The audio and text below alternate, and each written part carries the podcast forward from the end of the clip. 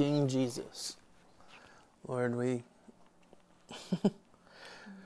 Lord, we already bow our knee, knowing that one day every knee will bow, but Lord, we already bow our knee. Lord, let us practice the things that we'll be doing in eternity. And Lord, it's not a practice, but let us do here on earth the things that we'd be doing in eternity.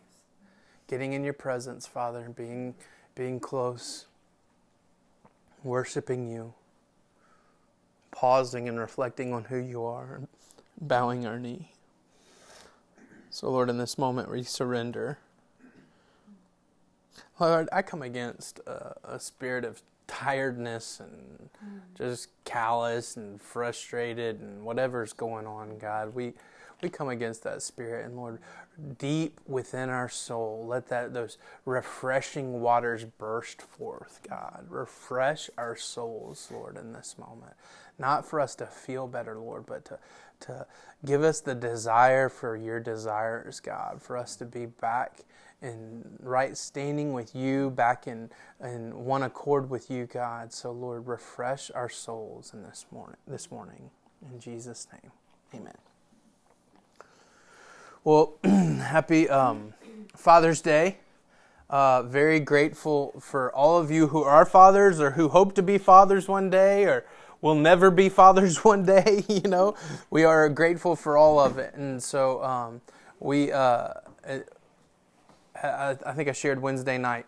Uh, last the last these last two years have been the best Father's Days ever because the three years prior to it, I had to cook 80 pounds of bacon on Sunday morning for church because we would give out bacon at High Point.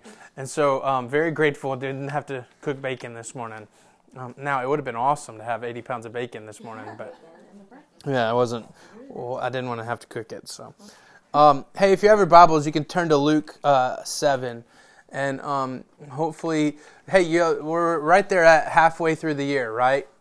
It, it's never too late to start uh, in our reading. You can jump in at any point in time. Uh, of course, I would hope you'd be able to read all of it, but if you can't read all of it, man, just pick a few of the verses to read um, uh, each morning, each day, whatever your vibe is, whatever you do.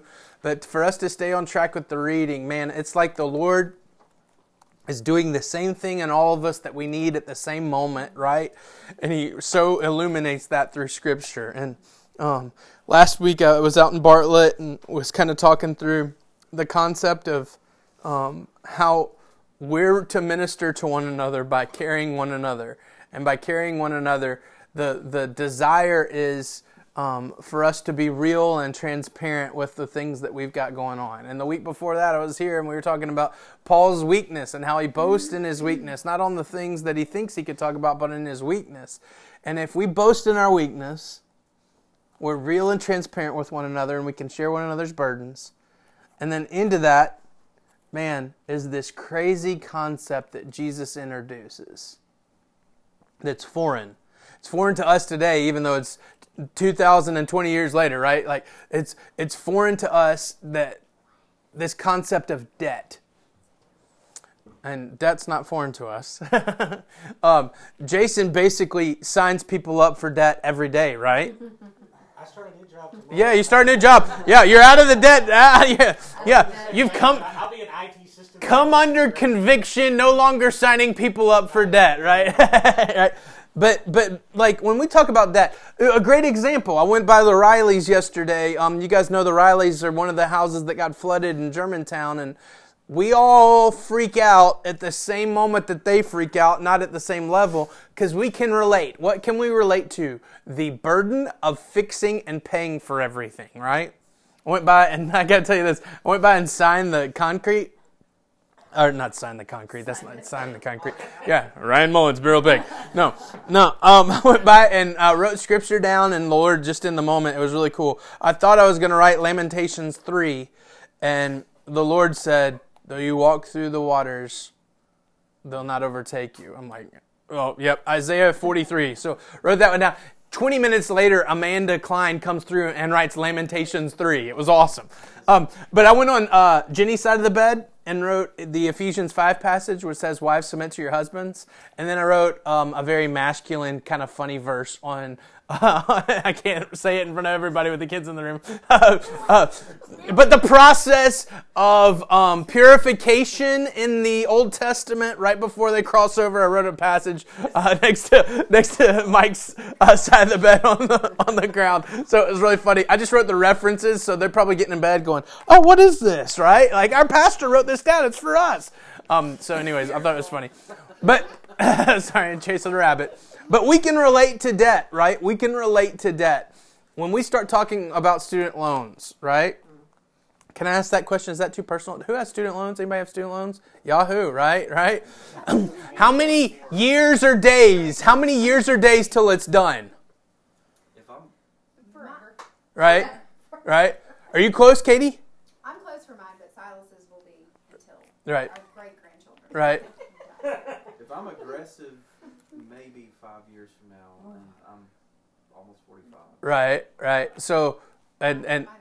and like go to prison has that been a thought like i'm not going to pay this anymore i'll go to prison like like when we have I give up. when we have debt that's in it feels like insurmountable wait you're going back to school ashley like Huh?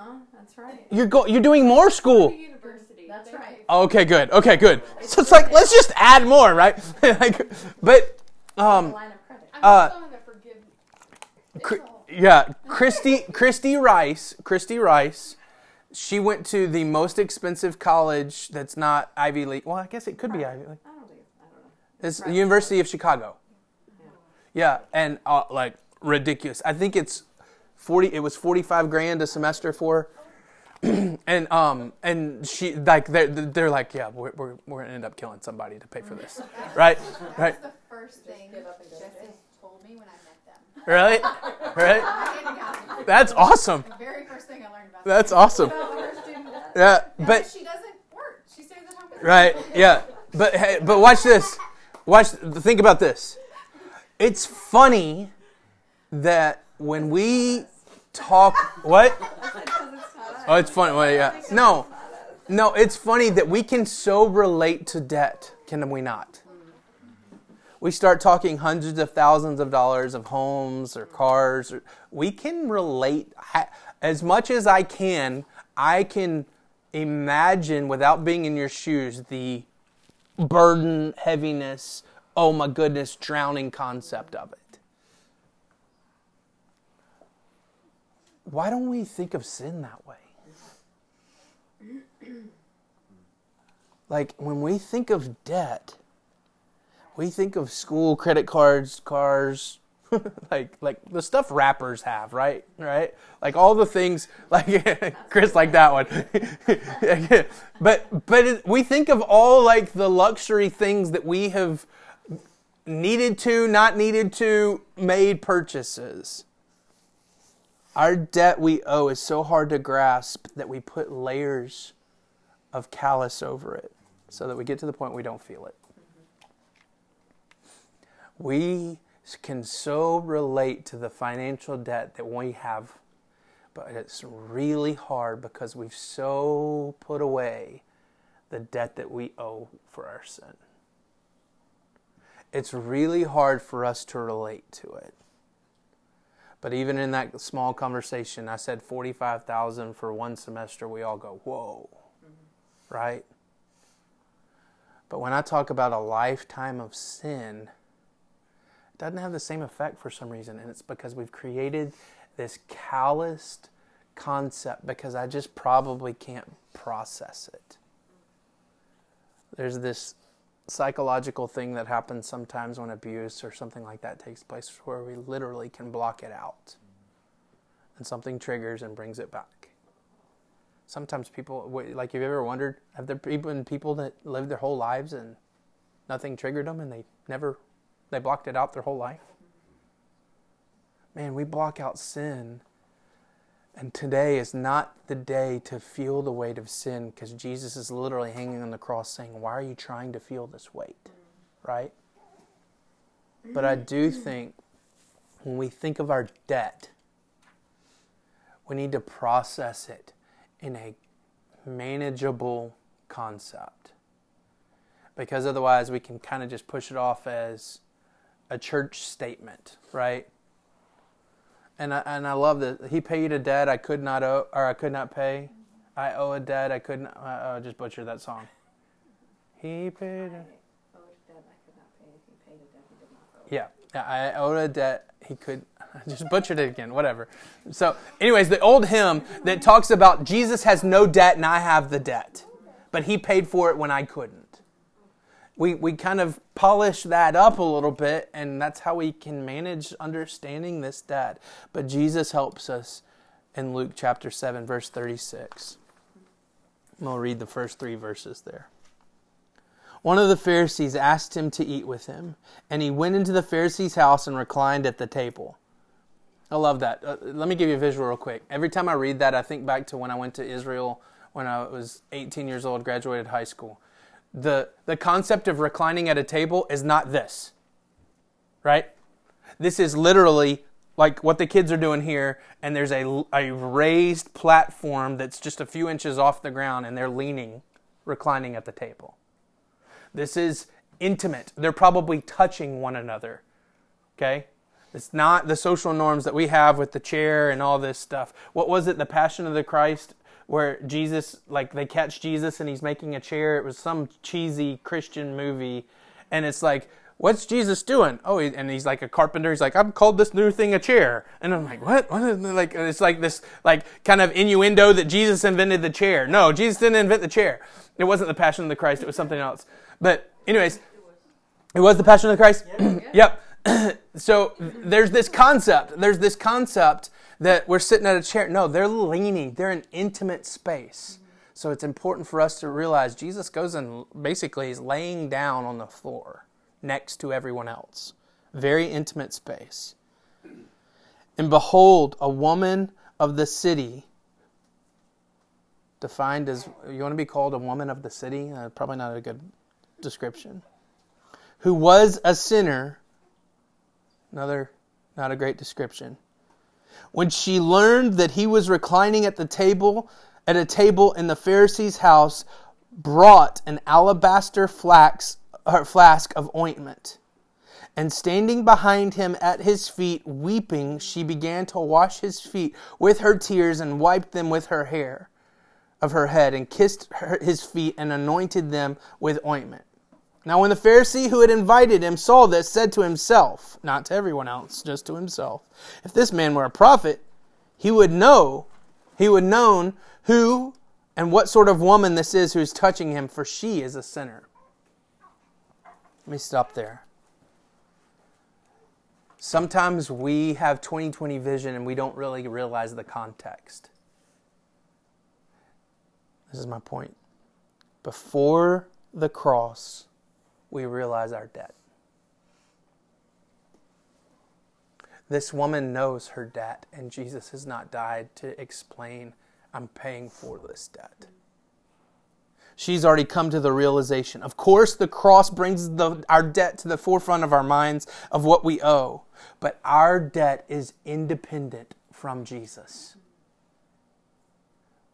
Because of who we are, 2020 years later, we have this hindsight. So when we talk about sin debt, we can instantly insert Jesus into it because we know what he did for us. She did not know that. She's got 45 grand over every week of her life. Insurmountable debt. He's not Savior yet. He's not Lord yet. But she knows in her heart of hearts, I come to worship. I come to pour out. I love this. The fastest cure for arrogance is the realization of the debt I owe. You think you're somebody, go think about the debt you owe.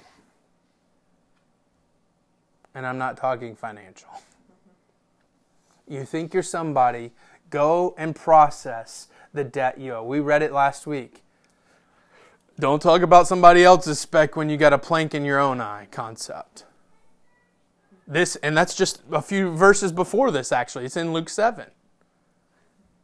Jesus is allowing this woman to anoint him. Jesus gets anointed twice, and it's funny. Jason and I had this conversation throughout most of the week. Mary, not Magdalene, Mary, Martha, friend of Lazarus, Mary, anoints Jesus in the house of Simon the leper. And it's about the same time frame. But this woman, who is a sinful woman, anoints Jesus in the house of Simon the Pharisee. Weird context. Many people have gotten those two con- confused, but it's very specific. That's two different accounts. The sinful woman's only in Luke. Mary anoints him, and it's ultimately for his burial. Isn't that who our Savior is? That the friends of Jesus and the sinners of the city both have access to anoint the King of Kings. Isn't that who he is? I have a friend of mine that says this I keep from being somebody by preaching the gospel to myself every day. He gets up in the morning, spends time with the Lord, and says, I'm a sinner.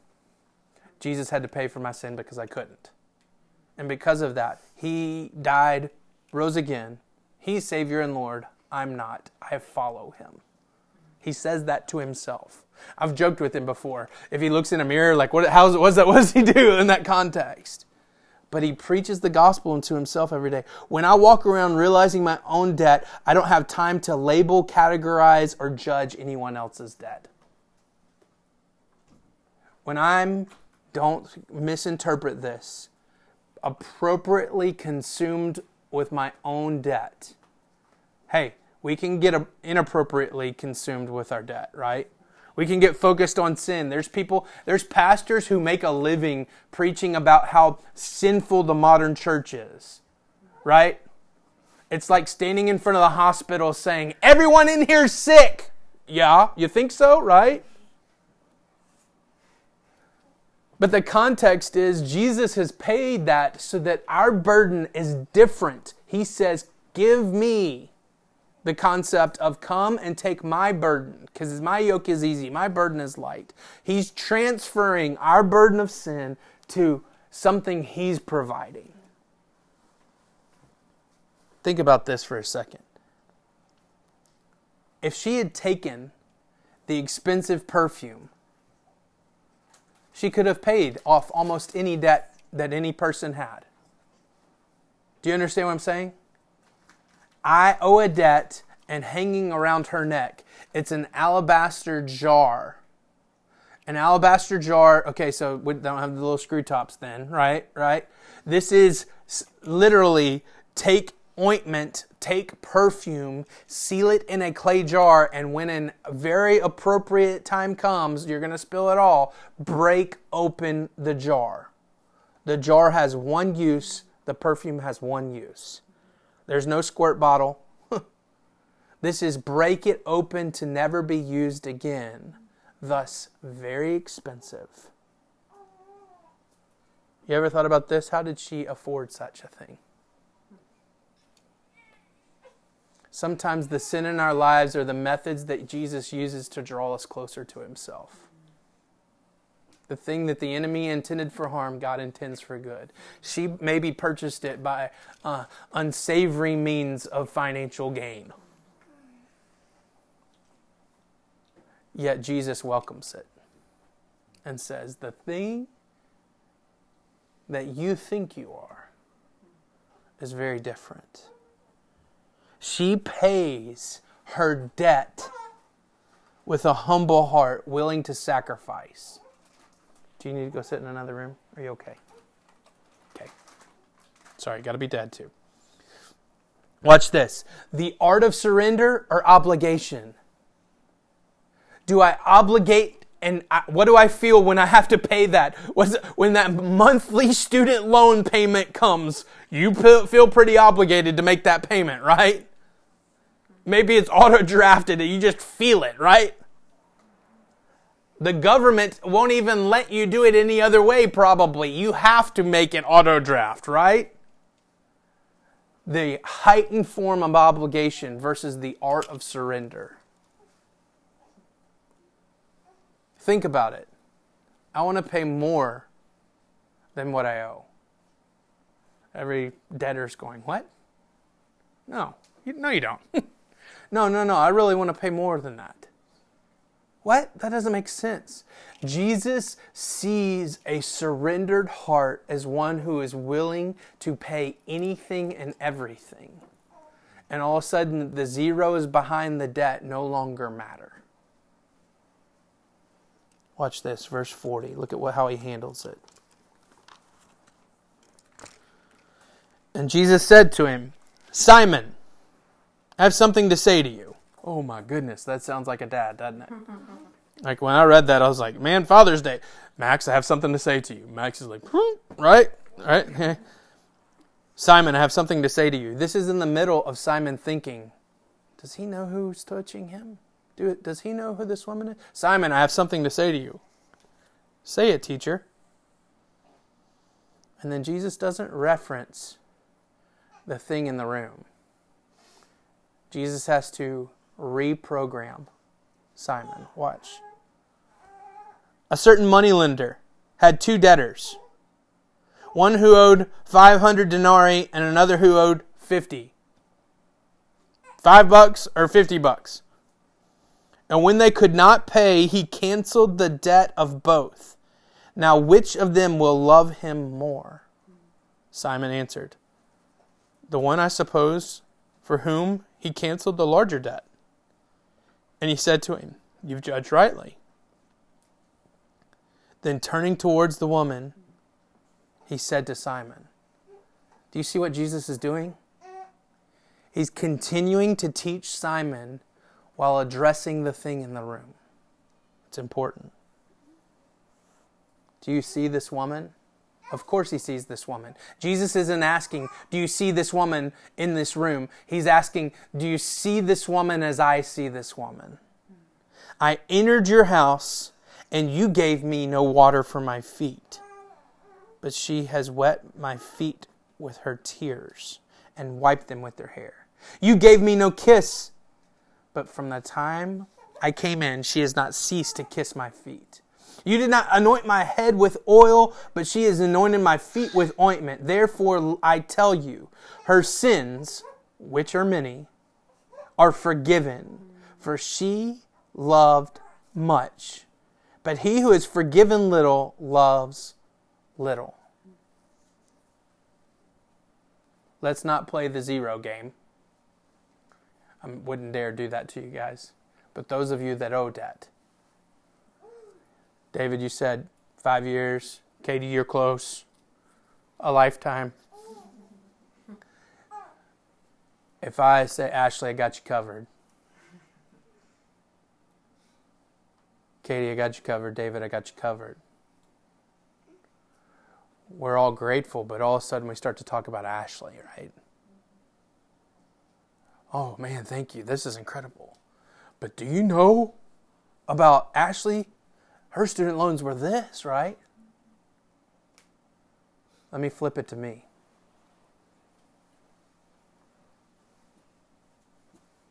I've walked with Jesus a long time. It's very easy for me to callous over the forgiveness that God's provided for me. Because daily I really feel my sin. Yet for those that came to Jesus at a later age and didn't feel the sin until much later, the forgiveness is a lot more powerful in the moment, but it's the same. Do you see it? Watch this. Before forgiveness, love is on display. I really process this a lot. Can forgiveness exist outside of love, and can love forgi- uh, exist outside of forgiveness? I really don't think they can. You can really hate somebody, though, and forgive them. But the only way that you do that is by having a understanding of love in your own heart, right? And in, in the context of love, when you really love someone, you're usually quick to forgive. This woman is not seeking her debt to be paid, she is loving Jesus. What does that say of the current church? Do we seek to have our debt erased? Or do we seek to love the King of Kings? Jesus didn't pay our debt to forgive us without a relationship built on love. Yet many live um, under a common courtesy gospel seeking debt forgiven with no relationship. It's like someone opening the door for you is the Jesus that they seek. If he can just give me some type of common courtesy forgiveness, I won't interact with him. I, I was th- as I was thinking about that. Uh, what what is the most like? What's a job that has the most common cur- like courte- courtesy is like a big thing. And so I, I was thinking of a bellhop, and then all of a sudden I thought, you know what? A doorman, like a doorman. Someone who, like in New York, when they have so many people and they don't want to lose the air conditioning, they pay a doorman to welcome people in and out of the building, right?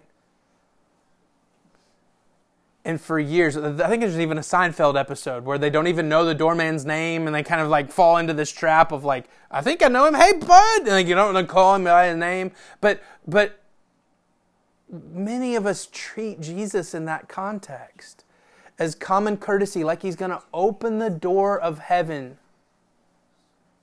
and let us in, but we don't interact with him. Watch this. Jesus isn't heaven's doorman who's real nice. He's the building owner who is king. Who pays the debt? Not the doorman. Do you want to interact in a common courtesy concept or do you want a relationship? Jesus loved her much. She loved Jesus much. Prior to that, she loved sin much. Think about it. The very act that she's doing is a very act of salvation, an act of surrender. She is literally saying, I loved all this so much to where I have this prize around my neck. And she breaks the prize around her neck in a new love concept. That is the point of redemption. That's the point of salvation for all of us. When we were at the point of facing one direction and turn our love to a new direction. Right? I used to love these things. We could all list these things, right? And that becomes a large debt. But when we redirect our love to Jesus, it changes everything. Now, those sins are forgiven not because she loved Jesus, but rather she turned her focus from the sin to Jesus. Look, it's not because she came in and she poured out everything, right? Otherwise, we'd empty the coffers and say, Give me salvation. That's not how it works. She had redirected her heart away from the thing that she was following before she came in the room. But how does the Pharisee deal with it? he's, he's going, Do you know who she is? You know what's going on here? It's, it's funny. I've heard many Southern Baptist pastors say this. How does the Pharisee know so well what kind of sinner she is? Right? And what is she doing in the Pharisee's house? Right? And who paid for the ointment around her neck? Right? I love this. Repentance always trumps prominence.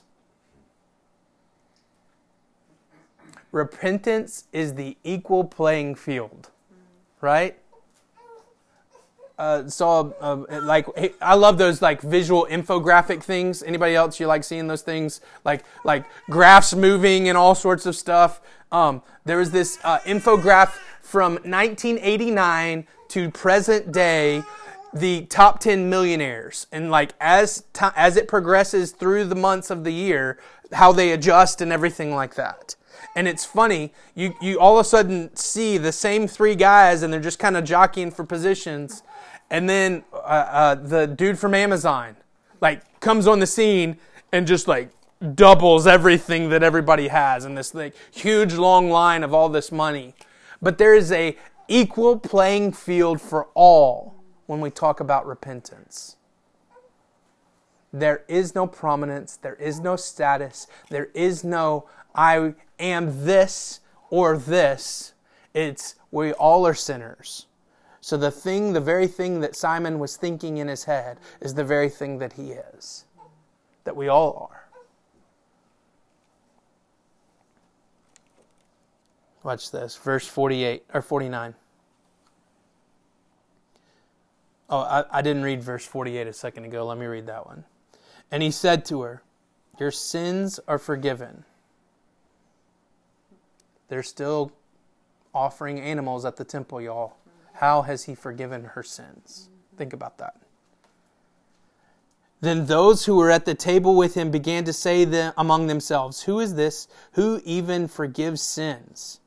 And he said to the woman, Your faith has saved you. Go in peace. Think about the page she was on prior to coming in the room and the page she's on when she walks out of the room. Unity is the key that unlocks an abundant life. She came in the room to get on the same page as Jesus. She came to be in step with him. Dr. Rogers, our pastor growing up, said, You're either in collusion or collision with the Lord.